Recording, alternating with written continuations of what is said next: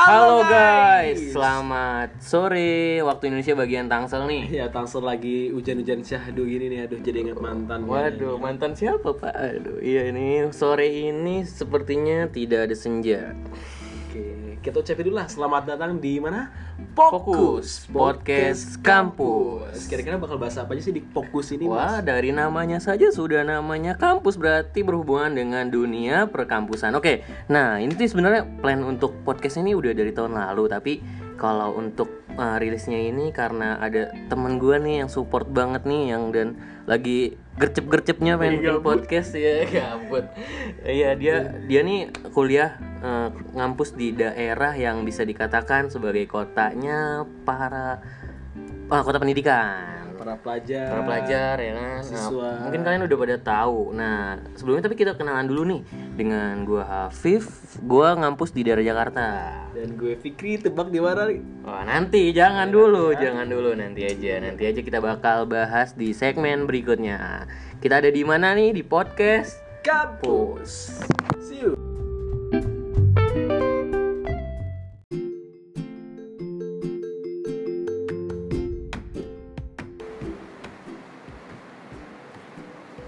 Oke, selamat sore. Balik lagi. Tadi kan kita udah perkenal. Eh, tadi kan kita udah udah awal nih pembukaan udah tahu nih. Nah, siapa gue star kita pada episode pertama ini? Oke, kita bakal ngebahas tentang si Fikri ini nih yang temen gue lama dari SD katanya kenal nih katanya. Padahal deketnya dari SMP sih. Oke, Fikri ini dari mana? Coba kenalin Fikri. Halo guys, perkenalkan eh, gue Fikri. Gue dari mana sih? Oh, gue dari asli gue dari Jakarta, tapi gue tinggal di Tangsel. Terus gue berkesempatan kuliah di salah satu kampus di kota teristimewa di Indonesia. Ada yang tahu di mana? Pip di mana, Pip? Waduh, ini kayaknya kalau misalnya kalian study tour sering banget nih kayaknya ke sini nih. Ada yang tahu nggak nih study tour? Kota langganan, Iya, banyak iya. bis di sana. Wah, apa tuh coba banyak bis coba banyak bis. Udah gitu, wah yang terkenal tuh eh, apa ya? Oh, candi-candinya ya. ya kalian mungkin udah pada tahu ini kota pelajar atau kota pendidikan yaitu Yogyakarta. Oke, siapa sih yang nggak mau anak-anak SMA nih yang kuliah di Jogja? Nanti kita bahas bakal banyak eh, sekali mengenai Jogja ini dan UNY-nya bersama Fikri. Oke sebenarnya gue mau kasih tahu sebenarnya Jogja kenapa bisa disandang kota pendidikan ya karena selain sekolah SD SMP SMA terbanyak di Indonesia Jogja juga punya lebih dari beratus-ratus perguruan tinggi. Itu paling banyak di Indonesia. Oh, nah itu yang menyebabkan salah satunya kenapa Jogja disandang sebagai kota pendidikan. Oke kalau misalnya ngomong kampusnya mau PTN apa PTS nih Mas Apip? Ah, kira-kira Mas Fikri aja nih dari Mas Fikri gimana nih? Eh, selama di sana nih kan eh, Jogja itu kan banyak banget kota istimewa ya kan DIY yoi. Nah, gimana sih lingkungannya di sana? Kayak gimana? Pertama kali masuk kuliah tuh seperti apa? Apakah lu bakal takut? Karena karena lu kan dulu kan di tanah Sunda nih tinggalnya. Nah pas ke sana lu tiba-tiba apa jadi Jawa Jawa banget? Apa gimana nih? Coba gimana? Bener banget ya. Pertama kali gue sampai Jogja, cuy di Jogja tuh nggak boleh ngomong gua-guaan, luluhan nggak boleh di sana. Jadi betawi betawi gue nih harus bener-bener, aduh, aduh gimana ya betawi gue harus bener-bener umpetin dulu lah sebentar kayak gitu kan. Nah di Jogja sendiri tuh, eh kalau lu di PTN atau di PTS di Jogja, banyak banget dari seluruh Indonesia datang ke Jogja buat belajar. Saya nggak bisa belajar. Oh, belajar apa aja tuh? Belajar apa aja itu banyak banget apa pun bisa dipelajari di Jogja. Oh, mantap. Nah jadi lu sebenarnya nggak nggak harus sih bisa bahasa Jawa di Jogja. Oh, nggak harus Misalnya orang Timur nih ya, Hmm. nggak nggak harus tuh di Jogja tuh bisa bahasa Jawa. Oh, tapi Cuman Hmm. siapa pun datang ke Jogja dia dipastikan akan menjadi orang Jogja. Oh Kayak gitu. Berarti ada ada kayak capnya gitu ya dari Jogja. Ah, Maksudnya ting- lama tinggal di Jogja terus orang Jogja gitu ya. Betul, Oh, karena gitu. bahasa itu bisa dipelajari lah lambat laun kayak gitu. Adab, terus sopan santun, uh, aduh the best banget tuh Jogja. Kangen banget pokoknya sama Jogja. Eh, Tadi ngomongin orang timur. Eh, ada nggak sih Pik, temen lo yang dari timur gitu? banyak banget jadi di Jogja itu ada sama sama Merauke ada semua ya apalagi dari timur. Teman-temanku di orang timur itu kita saling belajar sih. Misalnya orang timur itu paling jago kalau misalnya dia adu, adu argumen. Uh, kukuh pendirian. Ngotot ya, prinsipnya ngotot. bagus. Nggak ngotot. Oh, nggak ngotot. berprinsip lah Oh, kayak gitu. Sedangkan kami misalnya orang-orang eh, saya sih orang-orang netral gitu ya. Kadang-kadang kita tuh suka legowo. Nah apalagi misalnya orang-orang Jawa itu sering legowo. Itu bagus banget. Maksudnya sangat-sangat menghormati pendapat kayak gitu ya. Nah ini tuh suatu eh, yang bisa dikolaborasikan kayak gitu loh. Misalnya nih orang timur. Dia argumennya kuat ya. Hmm. pendapatnya prinsipnya bagus tapi keren juga kalau misalnya nilai-nilai dari Jogja gitu ya kelogoannya itu dipakai. Sebenarnya apa namanya semuanya udah ma- udah make gitu cuman lebih keren lagi kalau dulu-dulunya dikolaborasi. Nah orang Jawa juga sama. Kalau misalkan em, mereka mengeluarkan pendapat Hmm. kita harus tetap belajar sama orang-orang timur deh kayak gitu Oh berarti saling uh, Saling belajar, belajar, di sana ya. betul. Iya Saling makanya belajar. itu kenapa disebut kota kota apa sih kota pendidikan atau kota pelajar itu seperti itu mungkin ya dari Sabang sampai Merauke ada semua di situ ya. ya dari sana tuh tentram banget aman banget di Jogja itu kayak gitu Oh, berarti uh, lingkungannya gimana nih menurut uh, Mas Fikri nih? lingkungan dari mana nih harga makanan ya aduh harga Uh-uh, makanan ya lu punya pasti. duit berapa deh sepuluh ribu di Jogja itu bisa makan nasi ayam es teh Sepuluh ribu tuh. bayangkan sepuluh ribu Kalau di kampus gua apa kabar? Terus nasinya tuh ya anak kampus ya itu bisa ngambil sendiri. Jadi Oh, prasmanan, prasmanan gitu, semit. Sebakul lu Itu- ngumpetin gorengan juga gak ketahuan. Ya, Darmaji dong. eh. Dahar lima aku hiji. ya itu dia tapi orang Jogja tuh aduh sabar-sabar lu pahalanya gede banget dia orang Jogja itu. Oh, berarti eh, enggak. Coba eh, lu dulu kalau makan tuh habis berapa tuh kan? Misalnya sarapan berapa, makan siang berapa, makan malam berapa apa? Lu kan ngekos nih. Nah, lu gimana tuh coba lu ceritain deh. Biasanya nih ya pagi-pagi tuh gue sarapan sebenarnya malas banget sih anak-anak kos itu sarapan karena ya gue dari kampus tuh cuma 5 menit doang. Misal Hmm, gue masuk menit. jam 8, gue berangkat jam 7.55 Anjir. Jadi gue sarapan cuman gue beli roti itu bisa buat seminggu eh roti buat lima hari satu pak isinya 10 buat lima hari itu buat sarapan doang berarti kan gue misal roti berapa sih sembilan Pak, ribu maaf ya Pak sebelumnya Pak. Itu roti lima hari apakah kada luar saya tidak lewat itu Pak? maksudnya jadi dua seksi Bahaya dua seksi gue beli sesi pertama Senin sampai Rabu Oh. terus kami sampai Sabtu Oh, seminggu dua kali beli roti Iya. buat sarapan berarti ya, Kayak gitu iya. ya tapi kan sembilan ribu bagi tiga berapa tuh Tiga ribu. tiga ribu sarapan kelar Tiga ribu sarapan kelar. Nah, Oke. makan sip. siang gue makan kantin namanya itu Bimara di kampus gue. Itu terkenal apa gimana tuh Itu di terkenal. gimana UNY kan? Iya, gue di UNY. Hmm. Itu kantin kampus gitu sih. Hmm, Makannya ya. prasmanan. Hmm. Jadi lu ngambil sendiri dulu nih sampai sampai nasi lauk-lauk, Hmm. selalu lauknya baru habis itu sodorin ke mbaknya. Mbak nih, berapa? Jam berapa itu? Jam berapa? Itu Istirahat jam, siangnya. Jam sebelasan lah ya. Oh, jam 11 sudah istirahat berarti di UNY. Sodorin berapa tuh? Tujuh ribu kayak gitu kan. Tujuh ribu sama minumnya mbak. Iya sama minumnya bayi nasi sayur. Oke itu lauknya nggak ayam sih, tapi tujuh ribu bayangin aja. tujuh ribu berarti tadi kan tiga ribu sarapan tujuh ribu makan siang nih guys Ah, gila gila terus habis itu pulangnya sore. Nah ini kan lu bisa agak mahalan dikit lah kalau sore karena lu udah nabung kan Hmm. tiga ribu sama tujuh ribu. Udah sepuluh ribu lu sehari.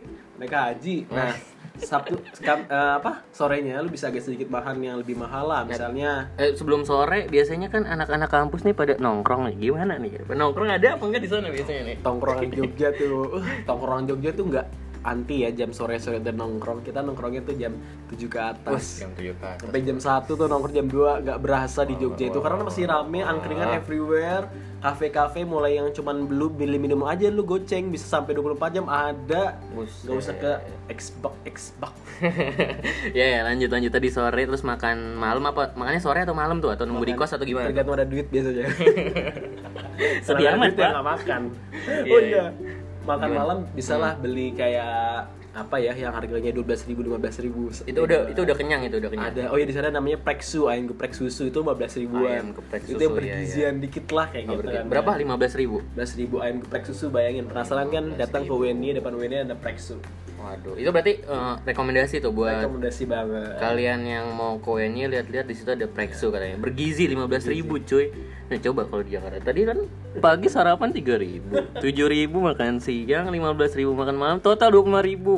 Kalian bisa kenyang di Jogja. Ini. Eh tapi sabar dulu cuy. Di Jogja itu bahkan tuh berfase tanggal muda tanggal tengah tanggal tua. Oh ada ada ada fasenya anak kuliah nih tanggal anak tua tuh kampus. isinya tanggal tua tuh isinya tanggal tua tuh isinya malah lebih keren loh. Tuh, pagi-pagi tuh? gue makan rendang. Di mana? Ntar lu dengerin dulu aja. Iya, iya. Siang gue makan ayam penyet cabai hijau. Waduh. Bayang loh. Terus sore gue makan coto Makassar bayangin dong. bos. Cuman harganya berapa ya? 3000 kali 3 9000 bayangin 9000 bisa makan. Apa tadi tuh Eh, rendang. Rendang coto Makassar sama, ayam penyet hijau. penyet hijau. Buset. air bulan loh. Pakai bulan. itu. Pakai promo apa gimana pak? Indomie seleraku. Oh Indomie anjir. Indomie guys. Anjir. Gua kira bukan kira bener. Oh itu Indomie. Eh, enggak kan biasanya anak kos ini kan terkenal dengan yang namanya Proma. Iya iya. oke jelly drink. Apakah benar? Coba kita tanyakan kepada dia. Gimana Pik? kalau gue jadi gini sistemnya. Jadi gue tuh eh, strategi gue tuh sehari gue sekali makan sepuluh ribu. Oh ada Nah targetnya pagi iya pagi 10, siang 10, sore 10 berarti kan 30 ribu kan. 30 dong. Nah tadi misalnya gue sarapan 3 ribu doang Nah berarti gue masih punya tabungan 7 ribu buat makan siang kalau nggak malam ya kan? Nah misalnya gue makan siang 7 ribu Nah gue berarti masih punya tabungan 3 ribu kan Oh, Berarti iya. sisa gue berapa tuh? 7 ribu sama 3 ribu? Gue masih ada 4.000. pe- masih ada safety itu 10 ribu. Hmm. Terakhir kan berarti gue punya duit 10 ribu plus cadangan gue 10 ribu kan? Hmm. Berarti gue minimal banget eh maksimal banget tuh jajan 20 ribu di akhir. Bisa tuh. Jadi subsidi silang kagak UKT aja yang subsidi silang jajan di subsidi silang berarti di deposit bos. Deposit, Sep- cuy. ceban-ceban-ceban masih ada sisa buat berikutnya. Nah, kalau misalnya lu mau hedon misalnya makan apa nih misalnya? Makan KFC Oh, iya, iya, iya, di sana. lu makan pagi siang malamnya dirapel jadi makan malam doang mau. Oh, berarti jangkut di sana banyak juga Dapat apa? banyak juga. Apa UMKM kebanyakan? UMKM juga banyak yang middle juga banyak tergantung deh lu mau hedon mau kagak Oh, mau iya, tapi iya, iya. semuanya tuh masih terjangkau semuanya iya oke berarti itu tergantung lo semua Betul. bagaimana lo menyikapinya di sana. Tapi kalau misalnya dari yang terendah pasti ada kan maksudnya dari masih ada nasi kucing 1500 bayangkan Oh iya tuh ya gue bahas nasi kucing tuh kan. sate-satean Oh. aduh the best banget terus kopi-kopi apalagi kopi sama doi gitu ya. Ngomongin kopi di sana ada nggak sih kayak apa namanya kedai-kedai kopi kan di Jakarta kan udah kayak kacang ya set. Dah itu banyak banget. Di sana ada banyak sih? banget. Lo tahu filosofi kopi? Oh iya, dia syutingnya di mana?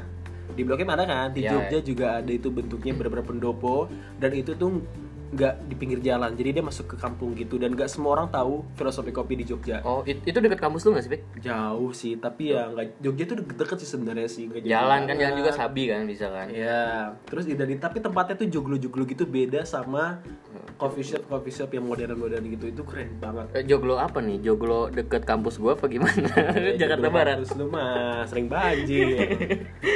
Oh iya berarti oh di sana ada berarti kan kayak banyak coffee banget shop banyak. malah lebih banyak daripada Jakarta kenapa pertama lu coffee shop yang murah middle atau mahal? Nah lu lu kalau yang tadi murah tuh berapa tuh coffee shop yang murah itu ada 3000 sampai 10000 tuh udah bisa ngopi loh. Itu gula aren apa gula Jawa? gula biang ya kali gula biang. Eh, Nah, Kirain tapi gula emang Jawa. variasi banget sih. Maksudnya kadang-kadang gue nggak pernah beli produk di si kopi itu. Gue beli dari rumah Oh, boleh. boleh abangnya baik karena saking banyaknya orang yang ke sono Oh. ada namanya basa basi cafe Oh. ada namanya Catat, catat, Cafe. guys, catat. cuy ini buat akhir-akhir bulan dan full 24 jam buat skripsian terus abis itu ada kobesa wah enak banget Oh, biasa. nah terus kalau yang middle itu ada balakosa ada coffee banyak deh pokoknya banyak. Ntar ntar bakal eh, ini ntar bakal gue lampirin IG-nya Mas Fikri. Ntar bisa tanya-tanya, bisa nge DM kalian di Instagramnya. Oh dia nih, oh gue kalau ngelihat dia nih, gue apa ya bisa dikatakan gue minder gitu. Dia nih beribu-ribu prestasi sebenarnya. 2019 aja kemarin dia ngepost foto. Oh gila, Tokopedia dia masuk, terus BI juga. Sekarang di BRI nih bos dia.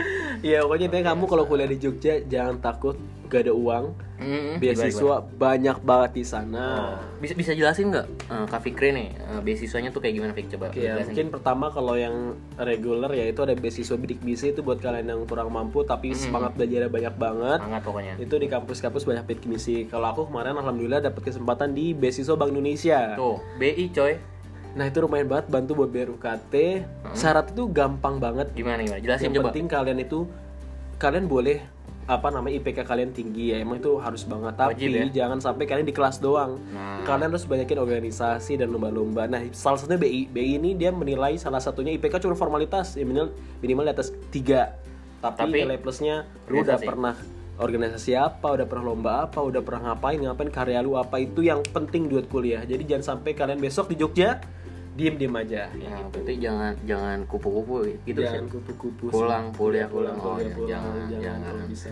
Lu udah jauh-jauh Jogja cuy. Masa iya kuliah pulang doang? Masa iya cuman ny- eh, cuman nongkrong di coffee shop yang murah Eh, tidak ada artinya Nah, iya lu pakai BSBI bisa nongkrong di cafe shop yang mahal waduh waduh, waduh. Co- coba ceritain Kak Fikri eh, ikut organisasi apa nya Fik lu Fik Oke. Pertama gue ikut organisasi Himatika. Jadi itu himpunan mahasiswa matematika karena gue jurusan matematika. Oh, iya. Gue awalnya jadi staf kaderisasi, jadi Oh, ngurusin orang-orang gitu SDM.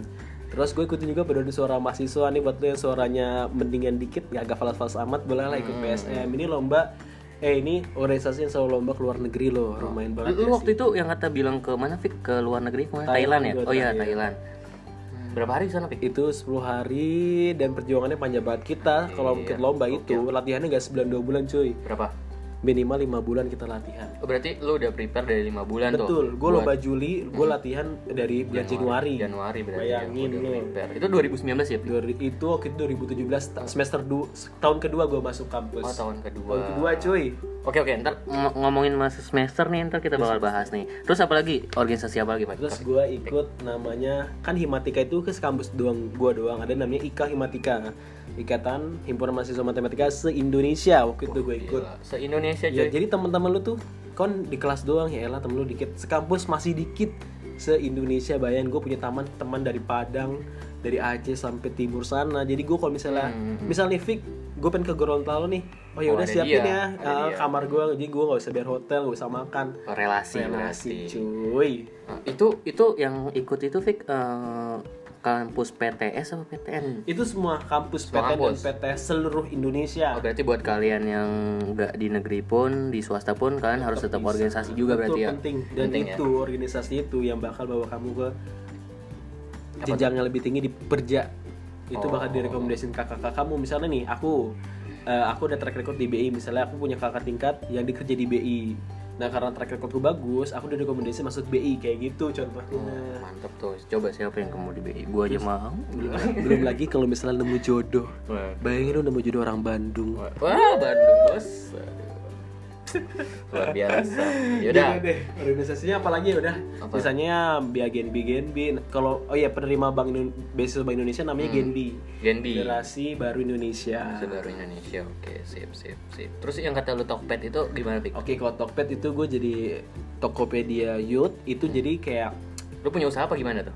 itu sebenarnya awalnya bukan usaha Hmm. sih itu kayak Tokopedia itu punya misi gimana supaya seluruh orang itu go digital. Pastinya. Nah, pasti jadi ada tugas gue itu di sana mengedukasi UMKM UMKM supaya go digital dan itu luar biasa banget lo bantu orang itu sumpah lo iya, banget iya, gila. Pasti pasti karena kan udah sekarang zamannya digital nih, digitalisasi Iya, ya kan. Jelas. Eh, udah sem- semua ke sektor-sektor yang ada di Indonesia udah merata nih digital nih, Iya, Bos. apalagi besok lu jadi mahasiswa bakal erat sama masyarakat. Jangan sampai lu anti masyarakat kalau besok jadi mahasiswa. Ya, ya harus berbaur ya, bisa berbaur Betul sama sekali masyarakat nah, ya. Tokopedia gitu lah seneng banget dan Tokopedia itu di Jogja dia punya gedung di mall lantai 3 namanya Cohive Hmm.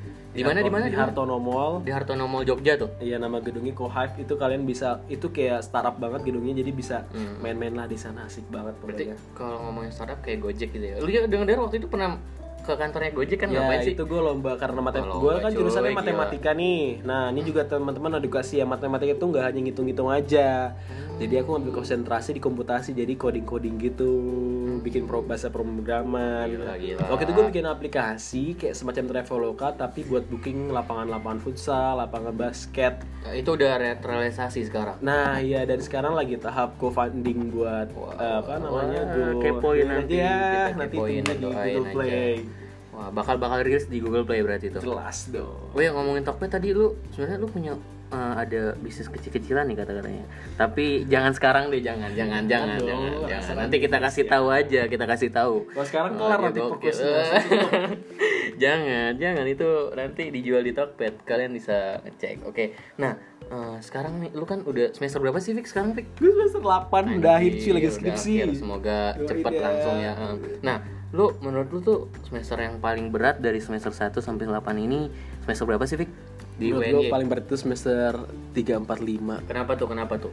Soalnya Tiga, itu empat, lima. lagi di pertengahan banget ya ibaratnya tuh lagi lu semester di kelas 8 lah kalau di SMA. Oh, kelas 8. Awal kan itu kan awal itu masih adaptasi ya. Santuy. Tugasnya masih ringan, Santuy pokoknya. dosennya masih oke lah ya. Nikmatin nah, pas ya. udah tingkat 2 3 tuh, waduh itu bener-bener fighting banget jadi gue aja waktu itu IPK gue turun tuh di situ tuh di semester 3 sama 4 Semester 3 4 turun. Iya soalnya pertama itu lagi penting-pentingnya organisasi Organisasi. Terus kedua dosen em, penting pen- lagi ininya juga lah hektik banget Crowded di ya. eh, di matkulnya. Terus di situ banyak banget gebrakan-gebrakan kampus yang apa benar-benar tuh gebrakannya tuh?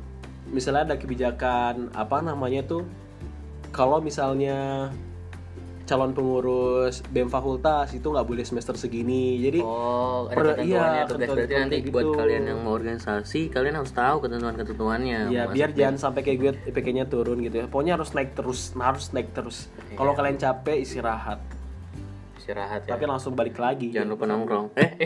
Iya jangan lupa nongkrong harus Iya, iya. nongkrong Jogja tuh pengen 0 km itu gue aduh kangen. Waduh, Noah. Eh, Tapi kan nanti Agustus kayaknya ada yang wisuda nih. Oh iya kalian nanti ini, ini kan nanti kan terkenal ya podcast saya ya. Hey. Nanti Amin, ya amin, ya amin, amin, wisuda amin, gue amin, di amin, amin. Iya. Kita mau motivasi banyak anak-anak nih buat kalian yang pengen tahu dunia-dunia eh, apa namanya perkuliahan ya kan kayak gimana nih di sini wadahnya kalian Iya. Terus bisa dengerin. misalnya nih kalian dari anak rantau ya kayak saya gitu. Oh saya iya, sana nggak kan punya Taufik. saya nggak punya keluarga di sana cuy bener-bener Oh, saudara nggak ada, Fik? single factor banget Saudara nggak ada Nggak serius? ada Serius nggak ada. seriusan gue bener-bener gue punya duit teman-teman teman-teman SMA lu gimana? Ada nggak yang sama gue kan di beda kampus Apa tuh, di apa? ada di UGM, Oh, di UGM. UPN kayak gitu kan nah tenang aja di sana itu ada namanya Ormada organisasi mahasiswa daerah tuh nah Ormada? jadi Catat misal nih aku orang Tangerang nih ya nah aku ke, ke Jogja di sana tuh ada himpunan mahasiswa Tangerang Oh, berarti Ya, orang-orang Tangerang eh, yang ada di Jogja di Jogja. dari semua kampus berapa tuh status kampus di Jogja itu yang orang Tangerang ke situ semua ada asramanya cuy jadi Oh, jangan takut Lu, lu Ya, tinggal iya. di asrama situ bukan sih? Enggak Tapi sih. pernah nggak? Enggak, tapi di sana sering jadi base camp murah kok asramanya itu jadi ada kamar-kamar kayak gitu. Enak Oh, banget tapi gue gak di asrama. Oh, ber- jauh. ber- berarti kalau misalnya lu yang pengen tinggal satu rumpun misalnya lu daerahnya Tangerang nih atau enggak contoh misalnya lu Bandung nih nah, Nah, orang Bandung juga ada. Nah berarti di sana ada asrama Bandung Fik. mahasiswa Bandung ada juga Ada asramanya, Ada asrama asrama. Jawa Barat. berarti murah murah nggak sih tuh Murah banget. murah nah buat Karena kalian ini tuh subsidi. oh subsidi tuh jatuhnya Terus banyak kegiatan yang ngumpulin. Jadi misalnya nih, kan aku di sana nggak boleh ngomong gua lu itu kan aku. Gue di sana nggak boleh ngomong gua lu gua luan. Nah, terus kan gue kan main kan ke asrama asrama Himata kan namanya Himata. Hmm, Himata Nah, di sana tuh kan orang Tangerang semua tuh Jabodetabek dah lu. Gue bebas ngomong lu gue lu gue lu kayak karena kayak di rumah sendiri gitu loh. Hmm, kayak rasa balik kampung gitu ya Iya kayak balik kampung dan gak ada yang eh gue lu ih, gue lu oh gitu Eh, tapi lu kalau balik ke sini tiap berapa ini sih Bet? Gue waktu dulu biasanya semester satu semester sekali sih. oh pas lebaran atau pas gimana nih Pas libur panjang? Pas Oh. banget tahun ini kan maksudnya liburan semester itu pas lebaran kayak gitu. Oh pas lebaran, oke berarti dia bisa terkondisikan lah ya.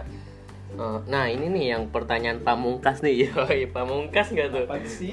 gue sih denger denger ya katanya, ya gimana sih katanya kalau anak Jawa tuh nggak suka ya kalau misalnya main sama anak Jakarta apa gimana sih coba nih kita langsung nanya nih ke yang udah pernah ngalamin dari semester 1 sampai semester 8 apakah benar kayak gitu gimana gimana gimana? Ini dapat pertanyaan dari siapa sih? Wah ini dari teman kita yang kuliah di Jawa juga. Sebenarnya kayak gini sih. di Undip cuma dia? Eh, gue hanya meluruskan aja sih. Sebenarnya orang Jawa itu orang Jogja deh. Pas gue kan mengambil di Jogja mereka tuh open mind. Welcome, banget, welcome, welcome, welcome. banget kayak gitu kan. Cuman ya mungkin gue nggak tahu sih. Mungkin kadang-kadang mungkin dari eh, kitanya kali ya anak-anak luarnya kadang-kadang suka nggak tahu diri atau gimana atau niatnya bercanda. Sebenarnya nggak ada niatan. Oh. ini balik ke habit sih. Mungkin kalau di Jakarta ya. Kan biasanya kita kan bercanda gini pip ya Ya, bercanda ya, ya, gini. Bodor lah ya. Ah, Hmm. ternyata mungkin ada yang Nggak ada yang kurang hati, tepat ya. dan enak hati. Sebenarnya mereka welcome banget. Minta maaf juga selesai gitu kan. Cuman ya ini ini Balik sih lagi ya. iya tinggal komunikasi aja gimana sama teman kamu yang di Jakarta di Jawa itu.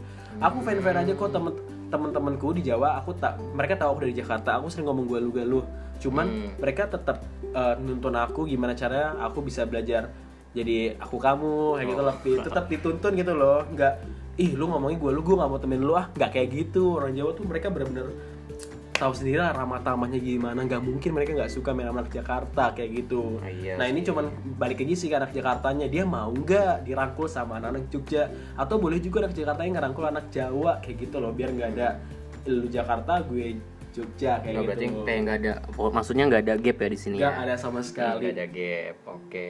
Itu sebenarnya Itu yang paling penting mungkin sih. ya. ya karena kan kalau misalnya dari lingkungan teman-temannya juga nggak support maksudnya nggak bisa deket kan nanti lu kuliah juga sama siapa ya kan? Apalagi nanti organisasi lu karena kan itu kan daerahnya daerah ya yang lu sekarang tinggalin gitu kan. Bener banget. Mm-mm. ya intinya tuh sih kamu udah berani memutuskan kuliah di Jogja itu benar-benar harus ikutin uh. Peraturan di sana, iya kan? sebenarnya di mana bumi dipijak di situ langit di wah dia apa dijunjung gitu jadi eh, saling sama-sama inilah sama-sama koreksi diri lah kayak gitu kan Hmm. cuman nggak perlu ada yang takut yang berlebihan karena di sana benar-benar mau orang baru kenal pun ya lu baru nyampe Jogja nyasar itu pasti dianterin sampai kos lu ketemu aduh aduh aduh aduh bayangin di Jogja tuh kayak gitu wah kosan ya apalagi udah jodoh orang Jogja ya, Ya, co- coba kalau misalnya nanya Pak Sarkem di mana? Sarkem di mana? Itu apa itu apa itu dianterin nggak tuh? Nanti itu dikasih. dianterin nggak? Itu dianterin nggak? Itu dianterin nggak? Turun dari stasiun tuh gua aja langsung sarkem kok. itu tempat apa Pak? Coba. Itu tempat bersilaturahmi kayaknya deh. Apa tuh?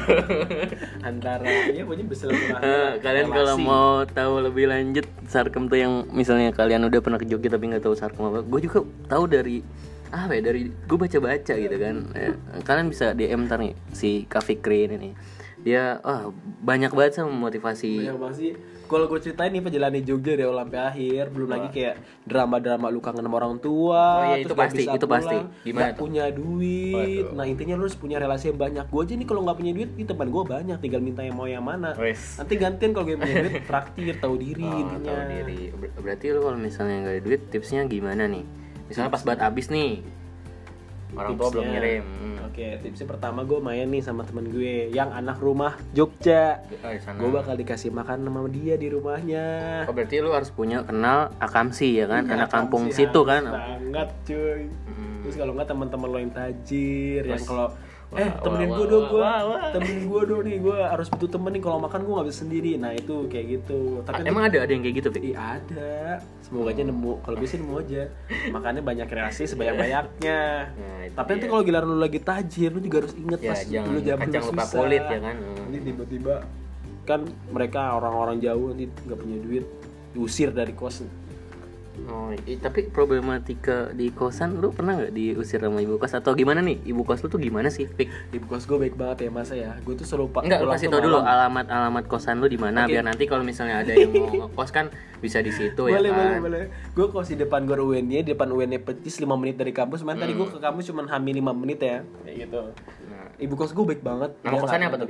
Namanya kos Abimanyu, kos Pondok Abimanyu. Ada tukang soto di depannya. Betul. Berarti lu bisa nyarap atau makasih atau gimana Bisa tuh dia? banget, gue suka rekomendasiin semua orang makan soto di depan kos gue. Hmm. Ada wifi-nya juga langsung nyambung. Berapa duit tuh satu tuh? Ada wifi juga? Iya pokoknya enak lah. Gue tuh pulang jam 1, jam 2, jam 12 habis Ngapain? tugas. Tapi kos gue masih rame, soalnya abang-abang kos gue tuh, ah itu best banget deh. Gue gak suka kesepian ya. Eh, gue gak suka Berarti lu, hal-hal yang sepi. lu berarti nggak introvert ya berarti Iya, gue harus introvert rame, ya? pokoknya rame gue baru tidur sama pas rame. Gue jam. 1 bangun, jam 4 pas subuh tuh gue udah bangun lagi cuy. Waduh, kuliah. luar biasa bapak ini. Berarti lu jam sampai jam satu malam tuh ngapain aja tuh organisasi kah atau Iya, apa? gua Coba. organisasi gue sempat kerja juga cuy kemarin. Kerja ya? Kebetulan pas Kerja di mana semester? Hmm. berat. Iya gue kemarin Lu part time atau gimana? Awalnya part time tapi porsi gue kayak full time dan akhirnya jadi full time. Oh, tapi lu gimana tuh cara mengesampingkan antara lu kuliah lu kan lu kan pasti kuliah kan pasti ngejar eh, apa ya bisa karena kan pasti pengen punya target IPK segini gitu kan dan terus lu organisasi juga tuh organisasi lu gimana IPK lu gimana dan terus lu kerja lu gimana juga nanti kan takutnya ada salah satu yang terhambat atau gimana gitu kan Oke, nah ini juga yang harus kalian punya miliki pas besok kuliah di Jogja, manajemen waktu. Kamu harus disiplin, prioritas tahu dan lu harus tahu memposisikan diri lu lagi di mana. Mm-mm. Gue pagi kuliah sampai jam 3, jam 3 sampai jam 6 gue organisasi. Terus jam 6 sampai jam 9 gue kerja jadi tentor matematika. Jam 9 sampai jam 2 pagi gue kerja di MD Madu. Gue kemarin tuh jadi marketing di sana. Komar. Jam 2 gue baru balik cuy. Eh, di ayam di madu tuh Ya, kenceng pantesan dia nih Oh iya kalian jangan lupa ya KM di Madoklo Jogja itu the best banget Oh. karena ayam bakar tanpa arang pertama di Indonesia. Oh, oh, promosi dia. Oh, padahal ini tidak disponsori. Iya dong, nggak apa-apa kali-kali kalau ke Jogja pokoknya. Di Terus? mana tuh? Ya udah pokoknya ntar bakal Iya lah, nanti lah ya, biar penasaran lihat di DM gue aja. Intinya kalian di Jogja, kalian kan main ke rumah, eh bukan main ke rumah orang sih ya, maksudnya eh, stay di kampung orang gitu ya, punya attitude terus baru dijaga, tahu sendiri. Jogja gimana, Attitude. attitude nomor satu.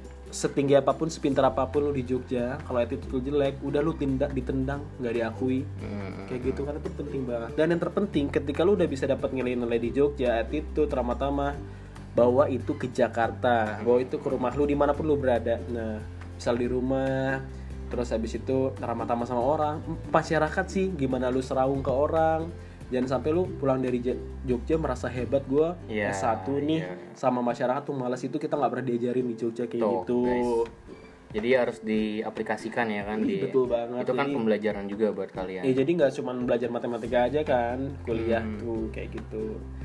Oke, mungkin eh, Fikri dari eh, pembelajaran selama di Jogja mau pesan kesan atau mau terima kasih nih ke teman-teman yang udah tadi kan bilang katanya dia oh dia pernah makan di rumah temennya nih yang katanya akamsi di Iya. sana Nah, gimana tuh dia mau terima kasih nggak kayaknya Ya pertama gue jelas terima kasih sama Tuhan yang Maha Esa ya. Ya Allah itu sumpah kalau mungkin semuanya itu diatur sama Yang Maha Kuasa. Gusti ya. Ha-ha. Teman-teman gue, alhamdulillah gue punya teman baik-baik semua. Gue punya teman circle gue orang baik-baik semua. Terus di Jogja juga gue diterima dengan baik. Itu yang bantu gue banget. Jadi lu kalau lu mau baik sama, lu mau dibikin sama orang, lu juga harus baik sama orang kan. berarti siapa yang menuai eh siapa yang menanam dia yang menuai. Betul banget karena itu paling penting. Hubungan timbal balik lah. Jangan ngerasa lu paling hebat jangan ngerasa lu paling pinter karena di Jogja itu di atas lagi masih ada langit tapi betul betul betul banget. di atas lu pinter masih ada yang lebih lagi pinter di Jogja. Lu jangan sok-sokan gitu lah di Jogja itu lah. Itu paling merendah untuk membumi ya. Betul dan kali-kali ke keraton lu bakal banyak banget belajar nilai-nilai di tata sana krama Ta- tata krama apa tata kromo tuh yang benar kalau di Jawa sih Tata Kromo tata kromo oke Lu terima kasih kepada siapa lagi nih terima kasih kepada dosen gue siapa Terus- siapa dosen ini kok Jadi pernah ada dosen yang respect Panutan, banget. panutan. Oh, waktu itu pas bokap gue satu aja meninggal. satu jangan Iya, namanya Profesor Rus. Hmm. Gue waktu itu nggak dapat nilai karena gue nggak hadir di ujian akhir semester beliau.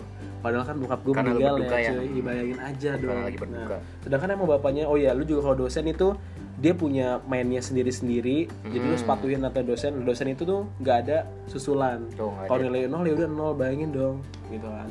Sedangkan waktu itu ada tiga anak nih yang nggak ikut ujian gue, dua anak itu karena waktu itu kesiangan dan sakit kalau nggak salah. Nah kalau gue kan gara-gara jelas ya, bukan gue meninggal. berkah berkah Nah waktu itu kan gue nggak dapet nilai. Bayangin kalau gue nggak dapet nilai, gue ngulangin cuy di semester depannya lagi kan. ngabisin waktu Ah, ya ah, kan terus tenaga.